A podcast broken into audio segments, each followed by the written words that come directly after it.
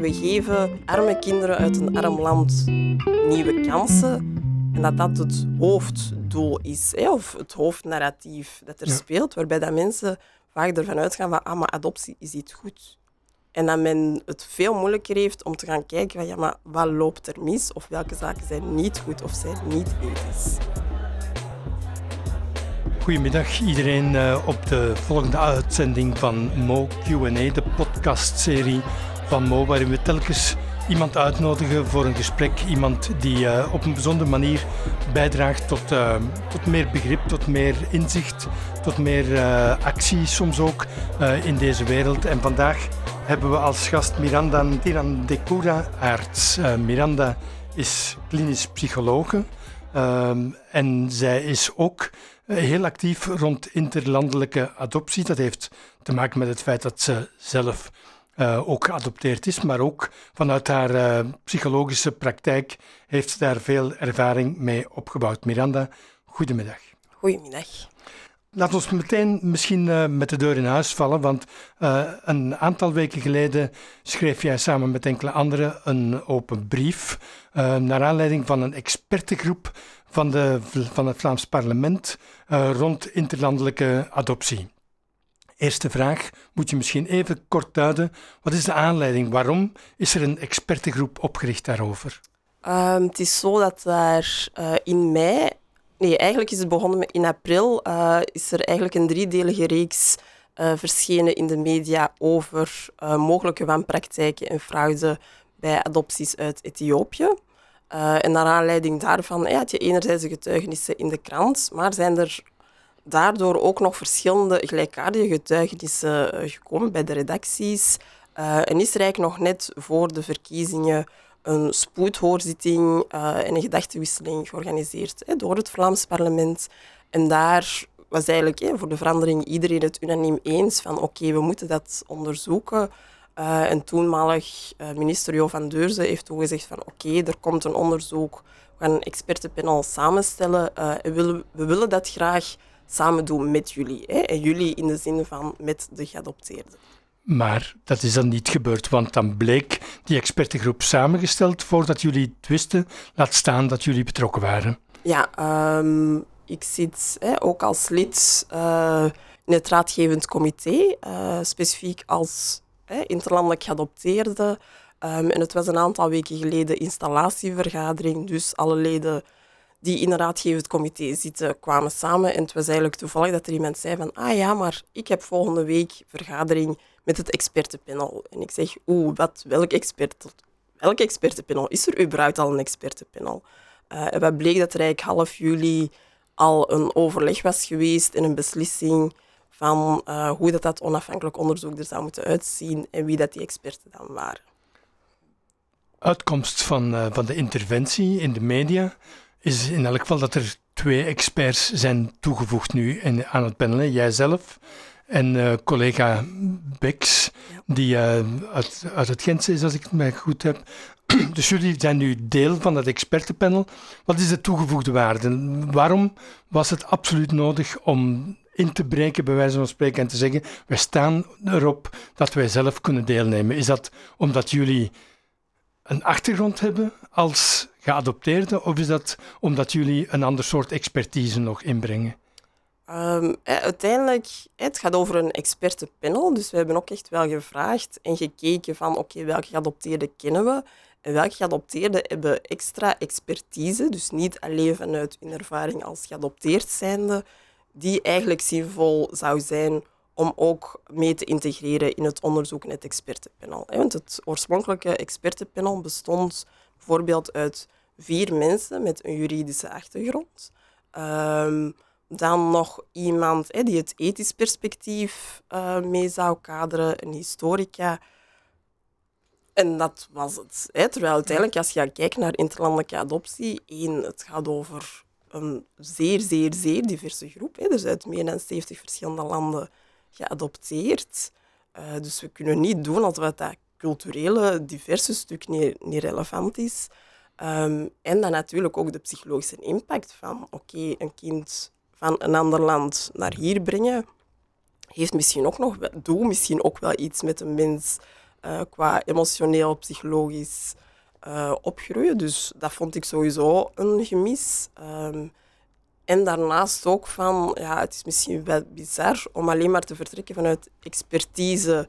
Hè, mensen die een bepaalde richting hebben gestudeerd en daar heel veel onderzoek over hebben gedaan, alsof die het beter zouden weten dan de mensen die het zelf hebben meegemaakt. Ja.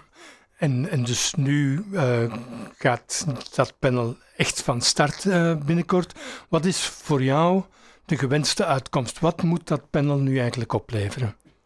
Um, ja, ook daar ben ik eigenlijk zelf benieuwd naar, naar die eerste vergadering. In die zin van um, dat de regering op vier pagina's een format heeft gecreëerd van wat dat daar moet gebeuren. En enerzijds is het tweedelig. Um, er zijn de individuele vragen van, stel dat mensen vragen hebben over hun dossier, er zijn onduidelijkheden, uh, het Rijk zelfs een mogelijkheid moet zijn, specifiek rond Ethiopië, dat men in Ethiopië zelf kan zoeken. Dus de individuele vragen en daarnaast algemeen rond inderlandelijke adoptie, wat is daar in het verleden gebeurd, wat is er misgegaan. Uh, maar hè, dat moet verspreid worden over tijdspannen van een jaar.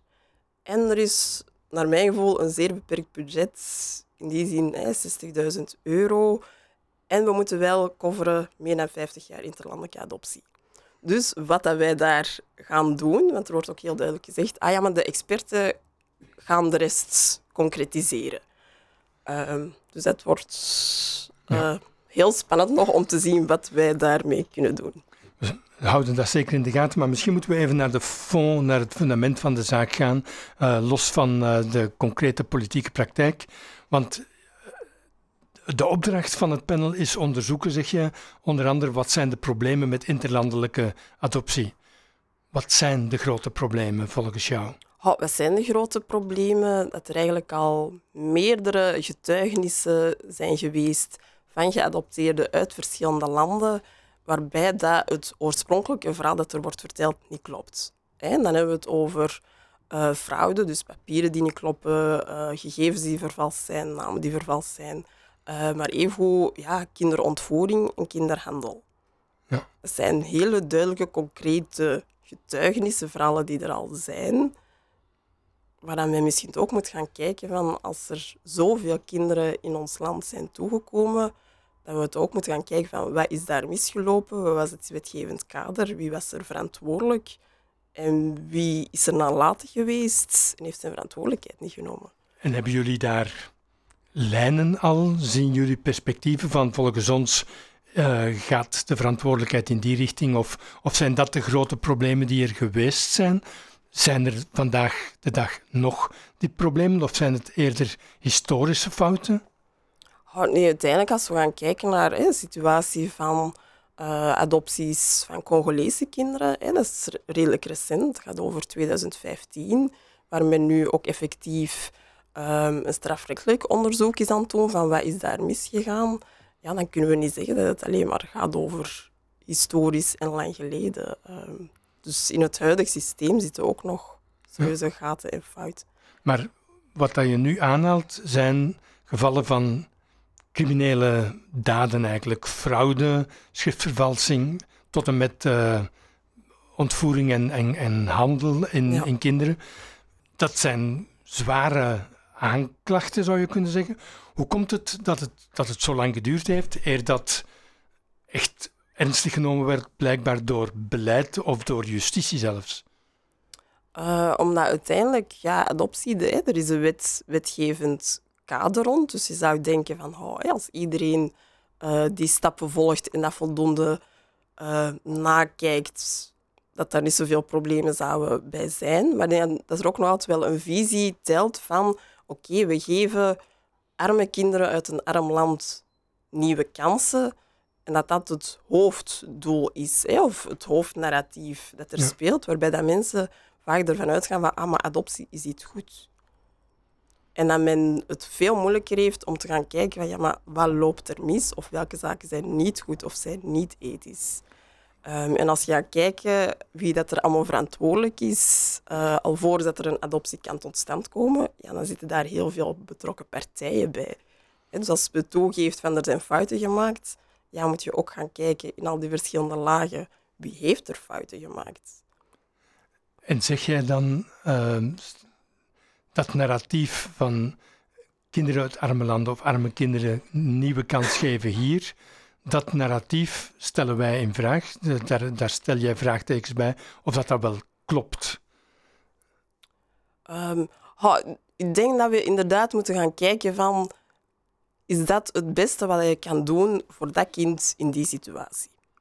Zeker omdat daar ook financieel gezien best veel geld mee gemoeid is, waar, je, waar ik mij dan de vraag stel van oh, kunnen we dat geld dat we nu binnen interlandelijke adoptie steken, nu op een andere manier gebruiken om ervoor te zorgen dat een kind dichter bij huis in eigen context op een goede manier kan opgroeien.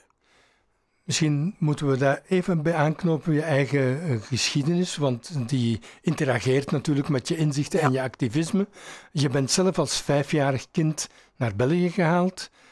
En het was niet dat je in honger of in pure miserie uh, ergens in een weeshuis zat in, in Rwanda. Je bent van bij je moeder vertrokken naar een nieuw gezin in België. Ja, dat klopt.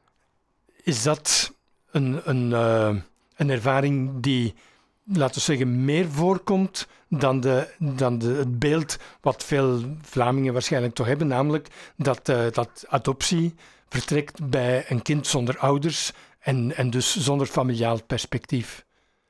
Um, het narratief is nog altijd dat, dat we ervan uitgaan van, maar er zijn zoveel wezen in de wereld. Um, terwijl dat we eigenlijk moeten spreken over hey, halfwezen om dan echt correct te zijn, omdat we ook hebben gemerkt dat er eigenlijk heel vaak op zijn minst nog één ouder is. Um, en als er dan zelfs de twee ouders er niet meer zijn, ja, dan heb je misschien nog wel andere context die al dan niet betrokken is. Maar dat we heel snel zoiets hebben van, ah ja, maar ja, dat zijn kinderen hè, zonder ouders um, en in een arme context, dus die gaan het automatisch beter hebben hier. Quot non, zeg jij. Dat is een narratief dat heel vaak gebruikt wordt. Het is een narratief waar ik het niet per se mee eens ben, maar dat is wel, zeker als het gaat over interlandelijke adoptie, uh, dat heel dominant is. En, en vanuit je andere kant dan nog, want je hebt zoveel kanten. Uh, je bent dus ook als klinisch psycholoog actief en met, met heel veel ervaring ook met kinderen uit adoptie. Zie je dan dat de kinderen die hier terechtkomen, die hier opgroeien, uh, vinden die hun perspectief, hun toekomstkansen? Of loopt dat heel vaak mis? Ik denk dat dat heel, heel dubbel is. In die zin hè, dat we kunnen merken dat bijvoorbeeld cognitieve ontwikkeling, uh, puur het fysieke. Dat je merkt dat heel veel kinderen een inhaalbeweging maken, een positieve inhaalbeweging. Uh, maar dat het uw plaatsvinden in het gezin uh, of in de maatschappij algemeen, dat dat voor heel veel geadopteerden soms ook echt wel een uitdaging is. En voor sommigen meer dan een uitdaging. Dat dat zo moeilijk is dat er ja, ernstige emotionele problemen zijn of mensen die uh, suïcide plegen of uh, in de gevangenis terechtkomen. En heeft dat dan te maken met de manier waarop kinderen familiaal opgevangen worden? Heeft dat te maken met een soort maatschappelijke, mm, met racisme bijvoorbeeld? Waar, waar zitten de, de echte moeilijke pijnpunten voor kinderen die in adoptie of als adoptiekind opgroeien? Um, er wordt heel vaak gesproken over trauma. ik vind het heel lastig om te poneren dat elke geadopteerde een trauma heeft. Uh, maar hetgeen waar ik bijvoorbeeld wel in geloof, is dat adoptie start met verlies. Hoe dan ook, of dat nu gaat over verlies van je biologische ouders of de biologische context. Je verliest altijd iets. Um, en dat dat op de een of andere manier wel uh, bepaalde littekens of kwetsbaarheden meegeeft. Um, en er is dan zo een zegswijze van uh, de tijd heelt alle wonden. Hè. We weten ondertussen, als je daar een beetje over nadenkt, dat dat niet klopt. Hè. Het enige dat een wonde kan helen is goede en gepaste zorg. Um, en zo is dat ook binnen adoptie. En als we daar dan gaan kijken, zit daar ook heel veel mis. Hè, die gepaste en goede zorg. Um, en ook hè, als je iets verliest, vind ik het in elke situatie logisch dat een persoon recht heeft om te rouwen ja, ook dat hebben geadopteerde vaak niet. Als je hier toe komt als kind, wordt er eigenlijk vooral verwacht dat je je aanpast en meedraait en meeleeft. Um, en hoe kan je rouwen in een situatie waar je eigenlijk zelfs je taal niet kan of mag gebruiken? Hè? Want je moet eigenlijk functioneren in een setting waar alles nieuw en vreemd is. Uh, dus ik denk dat daar echt wel een maatschappelijke plicht zit van welk zorgkader uh, zou er eigenlijk moeten zijn voor geadopteerden en schieten we tekort. En verschilt dat verlies en dat, uh, die behoefte om te rouwen? Je zou denken dat dat groeit naarmate een kind ouder is als het, uh, als het vertrekt en toekomt. Uh, betekent dat ook dat jongere kinderen minder problemen hebben om, om opgevangen te worden, om een plaats te krijgen? Of is dat moeilijk te voorspellen? Er is eigenlijk al wel gemerkt dat de factor leeftijd uh, niet de beste indicator is om te kijken of dat kind al dan niet uh, zich goed kan aanpassen uh, in een gezin. In die zin dat we ondertussen ook wel weten dat eh, nog voor de geboorte baby's ook al heel veel meekrijgen. Al is het maar bijvoorbeeld klanken van de taal of ja, alles wat je genetisch meekrijgt, uh, staat een stukje los van, van leeftijd natuurlijk. Maar ik wil nog even bij dat verlies blijven, omdat het mij redelijk uh, essentieel lijkt om, om te begrijpen waar, waar jongeren dan mee opgroeien. Uh, zijn dat herinneringen die je ook deelt met, uh, met anderen die een gelijkaardige achtergrond hebben? Is daar een soort bonding of, of groei je eigenlijk toch grotendeels in isolement op met dat verlies? Ja, en ik denk dat voor sommige geadopteerden ook pas op een latere leeftijd dat besef komt van, ah ja, oké, ik heb niet alleen heel veel gekregen, maar ik heb ook wel dingen verloren. Juist omdat dat ook wel het uh, narratief is dat een stukje in stand wordt gehouden van, ja, maar je bent naar hier um, bij ons in het gezin terechtgekomen. Uh, wij waren echt in volle en blijde verwachting van u. Hey, moeten ook gigantisch lang wachten. Um, waardoor dat er vooral de focus is van, ah ja, maar al het, al het positieve. Um, ik denk dat dat wij eigen is aan de mens, dat wij het moeilijk hebben om stil te staan bij moeilijke emoties en lastige dingen. Um, en daardoor dat daar letterlijk minder ruimte, ruimte voor is. Betekent dat ook een, een soort loyaliteitsconflict waar, waar zo'n jongeren dan mee te maken krijgen? Gesteld dat ze, dat ze goed opgevangen zijn in een gezin, zijn ze vaak ook dankbaar ten opzichte van hun ouders, zoals elk kind op een of andere manier wel dankbaar is. Langs de andere kant krijg je dan af te rekenen met dat verlies of met de vraag van waarom ben ik hier? Uh, hoe, functioneert dat met name in, in context van puberteit bijvoorbeeld, omdat dat een moment is waar je daar vooral mee geconfronteerd wordt, lijkt me. Ja, ook daar is het natuurlijk een hele lastige strijd. Uh, in die zin van, uh, je kan heel blij zijn in het gezin waar je terechtkomt en daar alle kansen krijgen en je daar thuis voelen. Uh, maar anderzijds word je misschien ook op andere momenten heel hard gewezen op, op je anders zijn. Ik leg dat aan mensen altijd uit. Uh, ik kan mijn Antwerps accent niet meer verstoppen en toch um, komt het heel vaak voor dat ik word aangesproken in elke taal behalve het Nederlands.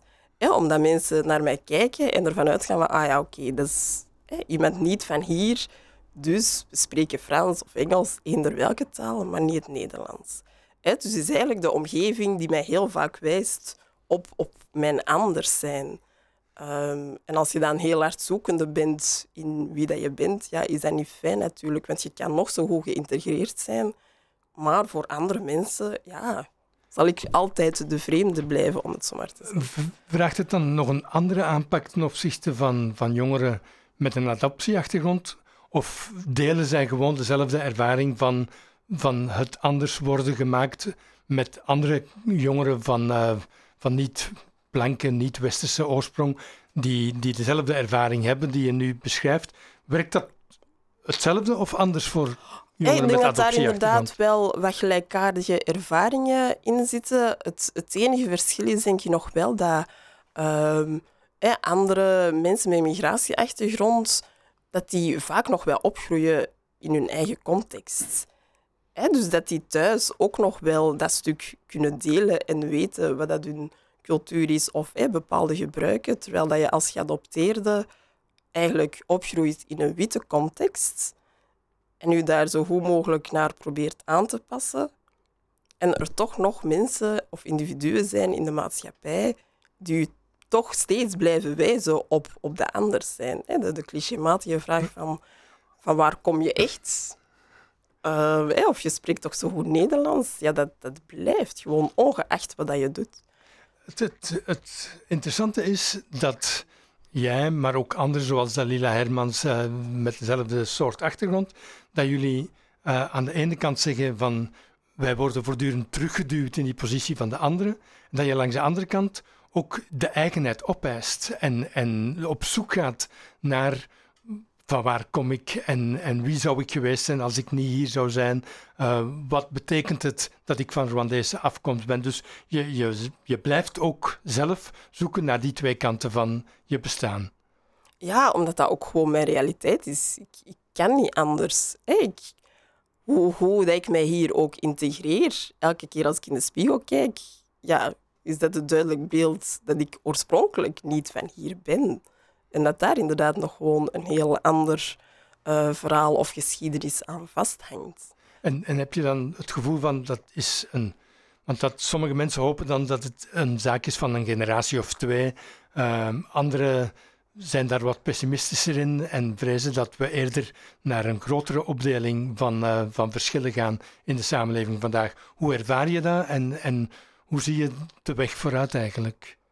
Um, mijn ervaring is, en ik geef dat heel vaak mee als ik vormingen of lezingen geef, uh, dat wij daar in Vlaanderen heel slecht zijn in het omgaan met het anders zijn van mensen. Hè. Alles wat dan niet past uh, binnen een bepaald kader, daar hebben we het lastig mee. Ik heb hetzelfde gemerkt, bijvoorbeeld mee in het buitengewoon onderwijs te werken. Um, of gewoon algemeen, hè. we werken met mensen met mentale problemen dat we het anders zijn vaak uh, zien als iets minderwaardig of iets negatief. Um, en dat is iets waar ik 100% van overtuigd ben. Van als we daar niet heel bewust, heel gericht mee gaan bezig zijn, gaat dat daar niet uit. En dat gaat niet gewoon door de generaties heen verminderen. En wat zijn dan things to do? Wat, wat vind jij dat Vlaanderen zou moeten doen? Of mensen hier in, in Brussel en in de steden van, van dit land om, om echt stappen vooruit te zetten daarin?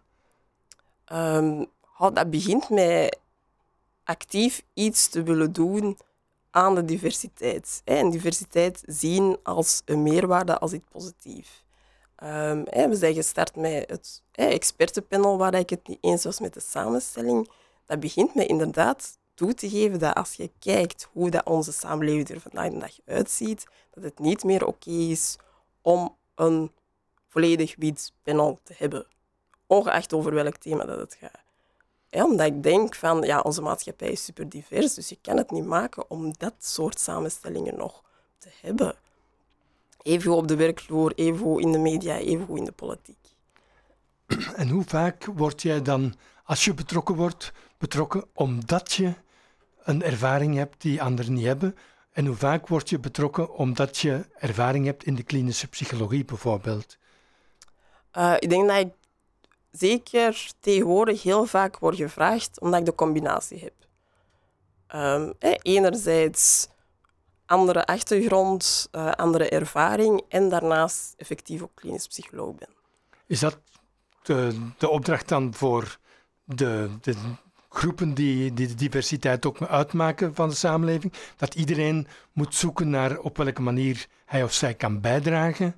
Uh, zodanig dat het niet alleen een kwestie is van we hebben een expertenpanel en we voegen kleur toe, maar we voegen echt inzichten toe en expertise toe. Dat is waar je Ja, en dat je echt, echt gaat, gericht gaat kijken naar van oké, wat, wat heeft die persoon qua expertise en, en ervaring? En het feit hè, dat de minister, of hè, er zijn ook nog wel plenaire vergaderingen geweest, als er dan uitspraken komen van, oh ja, hè, ze zijn te emotioneel betrokken of um, oh, hè, we weten niet wie dat die mensen zijn, dan denk ik, ja, maar ga gericht kijken. En beslissen dan of dat we al dan niet mogen toegevoegd worden, in plaats van op voorhand te zeggen, ah ja, nee, nee, die niet. Je bent wel eh, emotioneel betrokken bij het thema. Ja, klopt. Op welke manier balanceer je dat uit met je, met je professionele kennis ehm, als je in zo'n panel gaat stappen? Um, uiteindelijk, maar dat is echt een hele persoonlijke mening. Um, ja, ik ben ook psycholoog. Ik werk dag in dag uit hè, met mensen die hele gevoelige thema's of onderwerpen brengen. En er is altijd wel een raakvlak met iets uit leven of hè, dat u raakt. En emotionele betrokkenheid is niet negatief. Ik denk heel vaak omgekeerd van moesten sommige mensen wat meer emotioneel betrokken zijn en kunnen kijken vanuit de visie van de geadopteerde of van een kind, ja, dan zaten we nu niet met de problemen waar we nu mee zitten. Hè, dus ik vind emotionele betrokkenheid ook nog altijd iets positiefs in die zin oké, het is niet de bedoeling dat ik daar s'avonds van ga wakker liggen en dat ik tijdens die vergaderingen hè, vooral mijn eigen verhaal ga poneren. Um, maar dat is juist iets dat ik zelf heel belangrijk vond. Van, ik ben pas echt actief iets met adoptie beginnen doen als, als mijn eigen verhaal eigenlijk redelijk duidelijk was. En dat ik zoiets had van, ah ja, oké, ik kan daar een meerwaarde uh, voor zijn voor een aantal andere mensen, los van het, uh, het aanbod dat er al is binnen het Vlaams adoptielandschap. Je bent ook toch ook wel actief als blacktivist, als iemand die, uh, die het zwarte bewustzijn in onze samenleving uh, gestalte wil geven, die daartoe wil bijdragen. Misschien niet de hardst klinkende stem, maar, maar op jouw manier toch ook wel. Hoe belangrijk is het dat wij in België, in Vlaanderen, oog in oog komen met het koloniale verleden? Want daar hebben we het nog niet over gehad, maar heel vaak hebben jullie in, in de discussies die interlandelijke adoptie ook verbonden met dat uh, koloniale verleden. Op welke manier zie je dat eigenlijk? Uh, ik zie dat vooral dat dat gaat over bepaalde machtsverhoudingen en de manier waarop dat wij kijken naar andere landen. Hè. En het uh, idee van het, het, het arme zuiden en het rijke westen bestaat nog altijd. En dat zorgt er ook voor uh, dat wij het heel normaal vinden dat er uit heel veel verschillende Afrikaanse landen kinderen toekomen hier in België maar dat iedereen het heel raar vindt als ik een voorbeeld geef van, ah ja, maar moeten wij dan de arme kinderen hier bij ons bijvoorbeeld naar een aantal rijke gezinnen in Rwanda sturen? dan, dan worden mensen wat ongemakkelijk, terwijl ja, ook in heel veel Afrikaanse landen zijn er mensen die heel welstellend zijn en heel goed kinderen kunnen opvoeden. Maar dat is een zienswijze dat wij niet automatisch hebben. Um, en als ik ook merk hoe krampachtig dat mensen werden door het feit dat er in de krant stond allemaal witte mannen en vrouwen, hoeveel kritiek dat daar is opgekomen, dat ik denk, maar we hebben het hier over fouten, mogelijk kinderhandel en fraude, en mensen struikelen over het woord witte. Terwijl ik denk, ja, er is in onze, in onze Nederlandse taal zijn er alleen maar positieve connotaties aan witte. Terwijl als je gaat kijken naar zwart, in onze taal, zwart werk, zwart wordt altijd geconnoteerd met iets negatiefs of iets dat niet mag. En daaraan zie je dat er bepaalde gevoeligheden zijn uh, waar het hoog tijd wordt, denk ik, dat we daar gewoon openlijk bij onszelf introspectief kunnen gaan kijken van hoe komt dat ik het daar zo lastig mee heb? Of waarom dat bepaalde dingen niet mogen of kunnen benoemd worden. Zeker als het gaat rond de kolonisatie. Je hebt meegewerkt met VRT-programma's. Je hebt ook meegewerkt, uh, of toch zijdelings, bij de hernieuwing van het uh, Afrika Museum in, in Tervuren. Zijn dat belangrijke momenten waar dat je het gevoel hebt dat, of tenminste de hoop hebt, dat iets van de, van de voorstelling van die verschillen of van Afrika en Afrikaanse afkomst kan gewijzigd worden? Um, als we moeten kijken naar het, het Afrika Museum, was daar wel een zekere teleurstelling. Uh, in die zin dat ze daar veel meer hadden mee kunnen doen dan het resultaat. Um, maar ik blijf wel hopen dat, uh, mits de nodige dialoog, dat daar verandering komt. Uh, maar ik merk bij mezelf en ook nog wel bij andere mensen van, ja, als de dialoog alleen niet werkt, ja, dan is het bijvoorbeeld nodig in dit geval om de media in te schakelen. Want ik ben ook 100% zeker van als ik de brief, die is oorspronkelijk gewoon verstuurd naar de leden van de commissie. Als ik de media daar niet bij was geweest, had dat niks veranderd. En zijn de media receptief, ontvankelijk voor, uh, voor jullie boodschap? Niet alleen in dit specifieke geval, maar in het algemeen de roep om beter gezien en erkend te worden en als gelijke behandeld te worden. Heb je het gevoel dat de Vlaamse media daar ontvankelijk voor zijn? Um, ik denk dat, uh, dat er nog werk aan de winkel is, in die zin dat ze ons nu nog te veel inzetten als het hen uitkomt. Hè. Bijna een beetje als token van oké, het gaat over dit thema, we hebben iemand nodig, wie kennen we?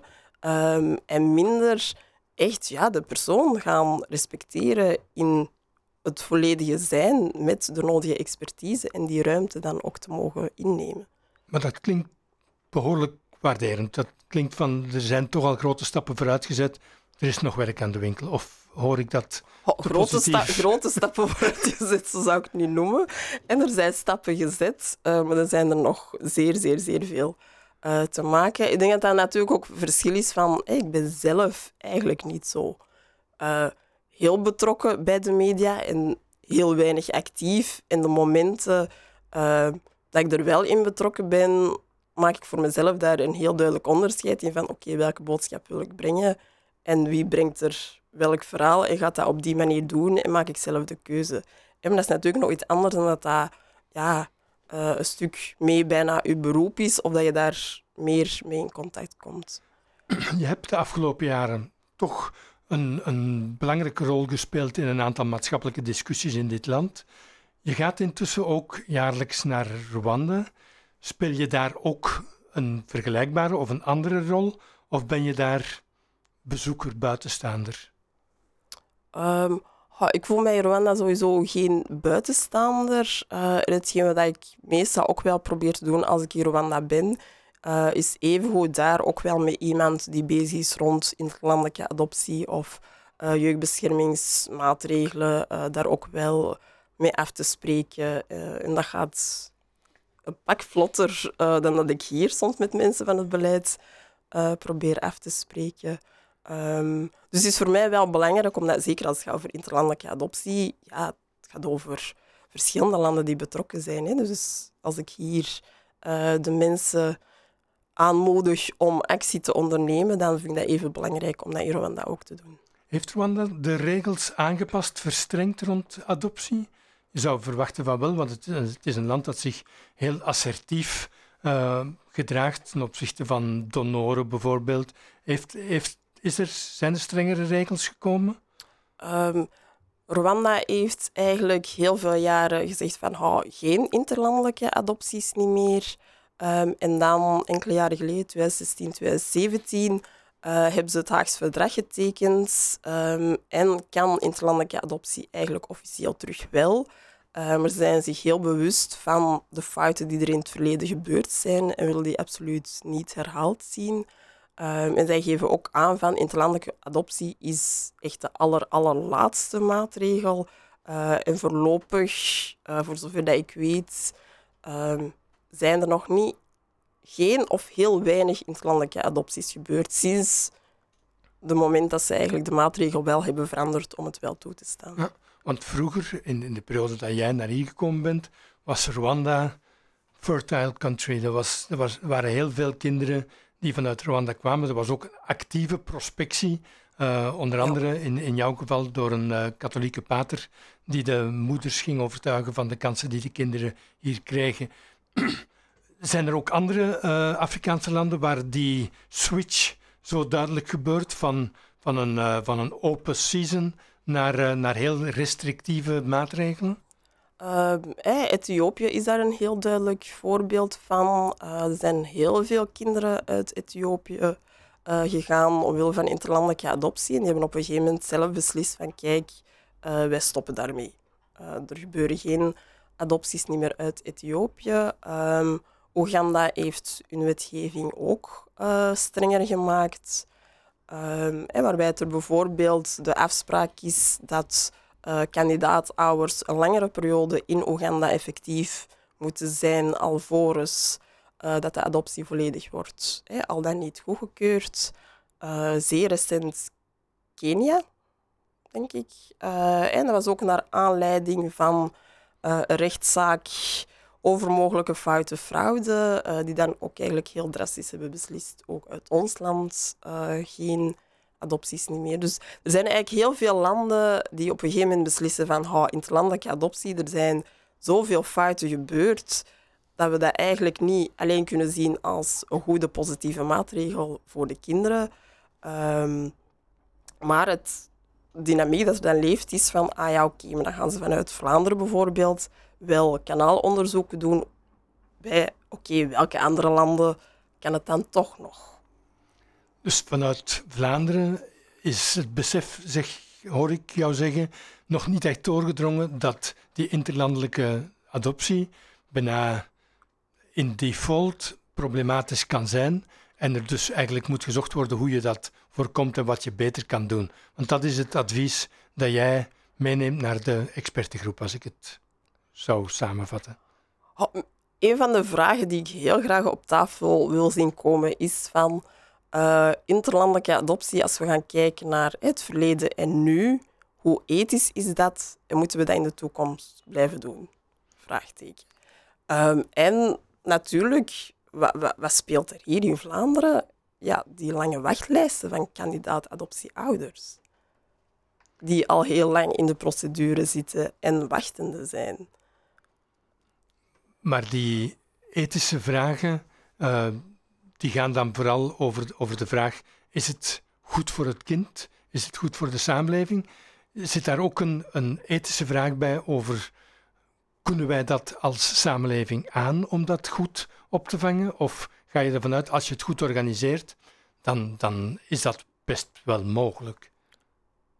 Nee, als ik ga puur, hè, dat is echt puur persoonlijk, naar uh, alle getuigenissen die er al zijn geweest, alle verhalen die er al zijn bovengekomen, hoe dat de nazorg hè, op heden geregeld is, um, zouden wij eigenlijk als samenleving moeten kunnen toegeven van kijk, wij doen adoptie wel, maar eigenlijk zijn wij daar onvoldoende, um, is daar onvoldoende omkadering om dat goed te doen. En al de vragen die er van geadopteerde of adoptieouders komen, goed op te vangen. Want nazorg is een van de zaken waar jij regelmatig op hamert. Ja. Hoe stel jij je goede nazorg voor? Goede nazorg. Um, we moeten niet altijd het, het warm water uitvinden. Als we gaan kijken naar de omkadering die er is bij pleegzorg, dan is het al heel veel meer dan hetgeen dat er is bij adoptie. terwijl als je kijkt naar de jeugdbeschermingsmaatregelen, is pleegzorg minder ingrijpend dan adoptie. Maar toch is daar veel minder omkadering. En de verklaring daarvoor is? De verklaring daarvan is dat men. Ik heb ooit die vraag gesteld en dan kreeg ik als antwoord ja, maar er is een verschil tussen pleegzorg. Gaat het over ouders die de zorg opnemen van uh, een, kind, een kind van andere ouders? Uh, bij adoptie is dat niet zo. Wat op zich klopt, wetgevinggewijs. Als je geadopteerd wordt, word je het kind van de nieuwe ouders. Terwijl, ja, terwijl enfant is dat niks anders, hè, want ik blijf ook het kind van andere ouders het grote verschil is dat bij pleegzorg blijft er ook de band en de relatie met die andere ouders uh, aanwezig en, en in zekere zin gecultiveerd in de mate van het mogelijke. Bij adoptie wordt die in de mate van het mogelijke verbroken. Ja, wat dat op zich al problematisch is ook. En je wilt dat niet per se traumatisch noemen, maar het, dit kan best traumatisch zijn, zeker als je. ja, ik wil het vooral niet traumatisch noemen voor alle geadopteerden. Ik kan daarvoor niet spreken van alle geadopteerden, maar dat kan zeker een traumatische ervaring zijn. Ja, zeker naarmate dat kinderen hè, op dat vlak ouder, ouder zijn en zich heel bewust zijn van hetgeen wat er gebeurt. Heel erg bedankt. Okay, dank u wel.